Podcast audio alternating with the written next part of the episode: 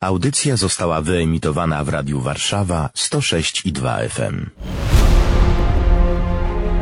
W czasach zniewolenia, ciemności i przemocy, ryzykując młode życie, na swoich ramionach nieśli Polskę. Y, Matka przyszła i mówi, byłam w sklepie i wyobraźcie sobie tramwaje obwieszone. Jakaś młodzież jedzie na śródmieście tramwajami. Coś się będzie działo.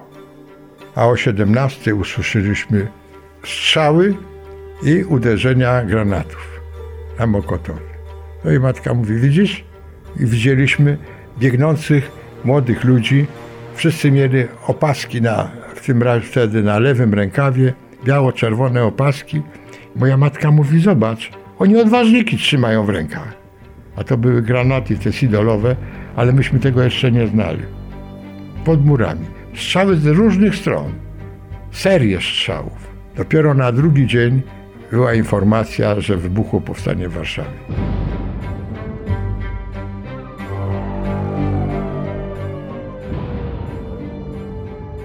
Powstanie objęło całą Warszawę i można wywiesić flagi. No, to matka od razu. Trzeba było y, z poszewki wziąć biało prześcieradło i zszyła raz, dwa, trzy i już dozorca powiesił flagę biało-czerwoną na naszym domu. Na trzeci dzień przyjechały czołgi i naprzeciwko naszej ulicy Wiktorskiej. Tam były cztery domy, czteropiętrowe, za czołgami. Byli rosyjscy żołnierze, którzy przebrani w takie zielonkawe mundury niemieckie, zaatakowali cały kwartał domów. Wszyscy weszli tam do tych bram, a myśmy byli naprzeciwko tego. Czołgi na razie nie strzelały i nie było e, Niemców jako takich. Myśmy się potem dowiedzieli, że to brygady Kamińskiego wyglądali takie Mongoły, kiedy oni tam weszli. Z tych wszystkich domów tam nie było e, żadnych żołnierzy Armii Krajowej, tam byli tylko mieszkańcy Mokotowa. Wszystkim kazano zejść na te trzy podwórka. Mężczyźni, kobiety, dzieci, starcy, wszyscy. Na podwórku wszyscy mężczyzn kazali stanąć pod jedną ścianą, a kobiety z dziećmi pod drugą ścianą. Ale do mężczyzn zaleciali się nawet staruszkowie. I na oczach tych matek rozstrzelali wszystkich zgromadzonych tam mężczyzn. Te kobiety zaczęły strasznie krzyczeć, rwać włosy z głowy, a oni powiedzieli, że uratują im życie, tylko one muszą wejść do piwnic. I one wszystkie weszły do piwnic, a oni za nimi rzucili granaty ręczne i środki zapalające. Oni wszyscy zginęli w tych piwnicach razem z dziećmi. Bo tam moja mama miała banikiurzystkę, która mieszkała ze swoją starą matką. W momencie, kiedy oni kazali im tam wchodzić do piwnic, ta stara matka, widząc rozstrzeliwanych mężczyzn, rzuciła się do ucieczki przez bramę. I odbiła się nawet od jednego, ale on, oni byli chyba pod wpływem, nie robili wrażenia normalnych ludzi. Przed tym kazali wszystkim kobietom oddać i to wszystko wrzucali do chlebaków. Opowiedziała mi później, że jeżeli komuś grubego palca nie chciała zejść obrączka, to on brał bagnet i z palcem razem obciętym wrzucał do tego chlebaka. I wybiegła na ulicę, a ta córka za nią. I krzyczała, mamo zostań, mamo, padały strzały. I na środku dostała kulę. Córka już nie poszła dalej i wpadła do sklepu, który był obok i w tym sklepie się schowała. I uratowała swoje życie. A potem, jak to się wszystko zaczęło palić, myśmy to widzieli, bo byłem trzy domy dalej.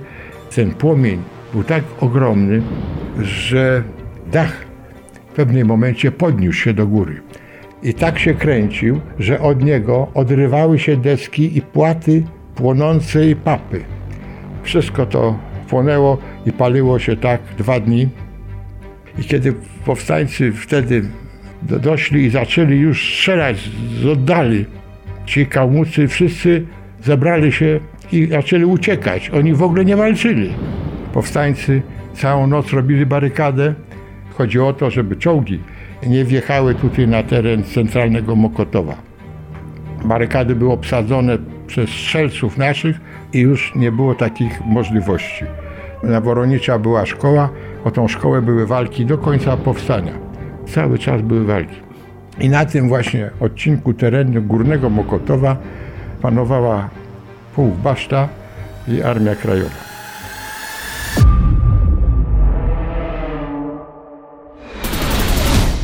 Po tych doświadczeniach wiedziałem już, że już na pewno będę musiał być żołnierzem Armii Krajowej. Cudów nie ma. I spotkałem chłopca, swojego kolegę, który miał harcerską czapkę i mówię, no przecież my jesteśmy z jednej klasy. No właśnie, no to musisz pójść na Tyniecką. Tam jest drużynowy orzeł i on cię wpisze, jesteśmy w Poczcie Polowej. Poszedłem na ulicę Tyniecką, w tej izbie urzędował orzeł.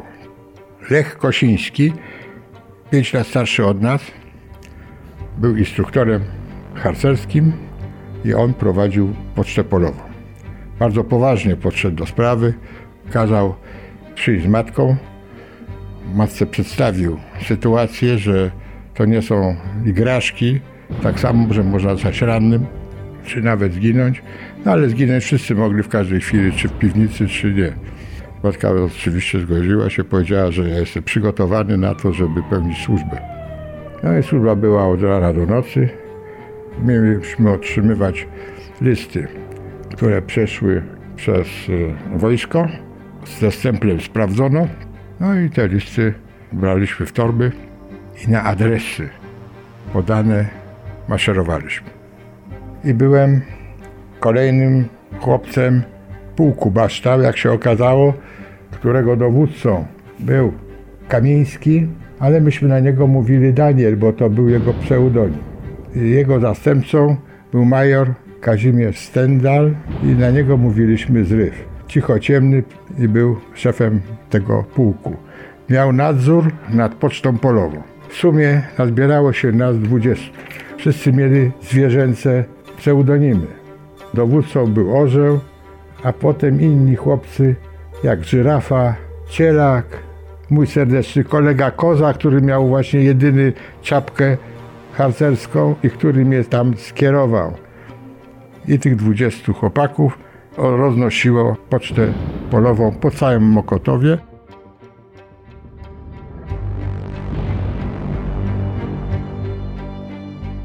Wszyscy byli niesamowicie zadowoleni, ponieważ to powstanie, które wybuchło o godzinie 17, spowodowało, że nie wszyscy z pracy, bo wiele osób pracowało, wrócili do domów. Zatrzymali się tam na mieście, gdzie byli. To było straszne dla nich, nie mieli żadnego kontaktu z bliźnimi. Potem się dowiedzieliśmy, że to miało być bardzo krótko i nie było czym mówić, bo trzy dni powstanie miało trwać. A myśmy na trzeci dzień dostali ten straszny pożar. I to miało być zakończeniem powstania, a to był początek powstania.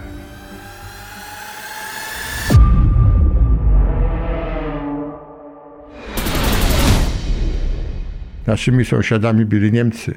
W blokach niemieckich mieli gniazda karabinów maszynowych na dachu i cała ulica Pławska była pod ich całkowitym ostrzałem. Ci tacy nasi bohaterowie, sześciu i biegło przez ulicę, jeszcze nie było barykady, pierwszy padał. Czy, czy następny komendę przyjmuje i tam wymieniał imię. Wszyscy się poderwali, a tu karabin maszynowy, trak i znów pada. I tak po kolei. Żaden nie dotarł na tamtą stronę. Sześciu padło, sześciu było dowódców tego plutonu. Mieliśmy rozkaz zanieść informację, którą mamy. Mamy na to czas do zmroku. Uważać tylko na gołębiarzy.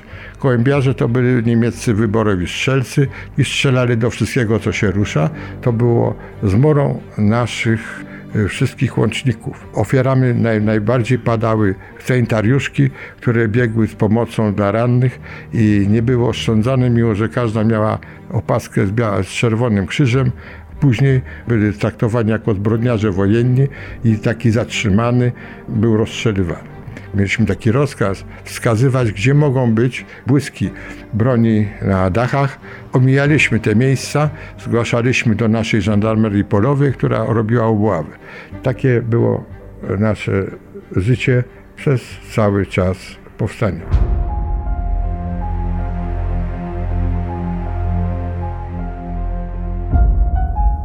Z wdzięczności za Polskę. Dofinansowane przez Polską Fundację Narodową. Audycja powstała we współpracy ze Stowarzyszeniem Paczka dla Bohatera.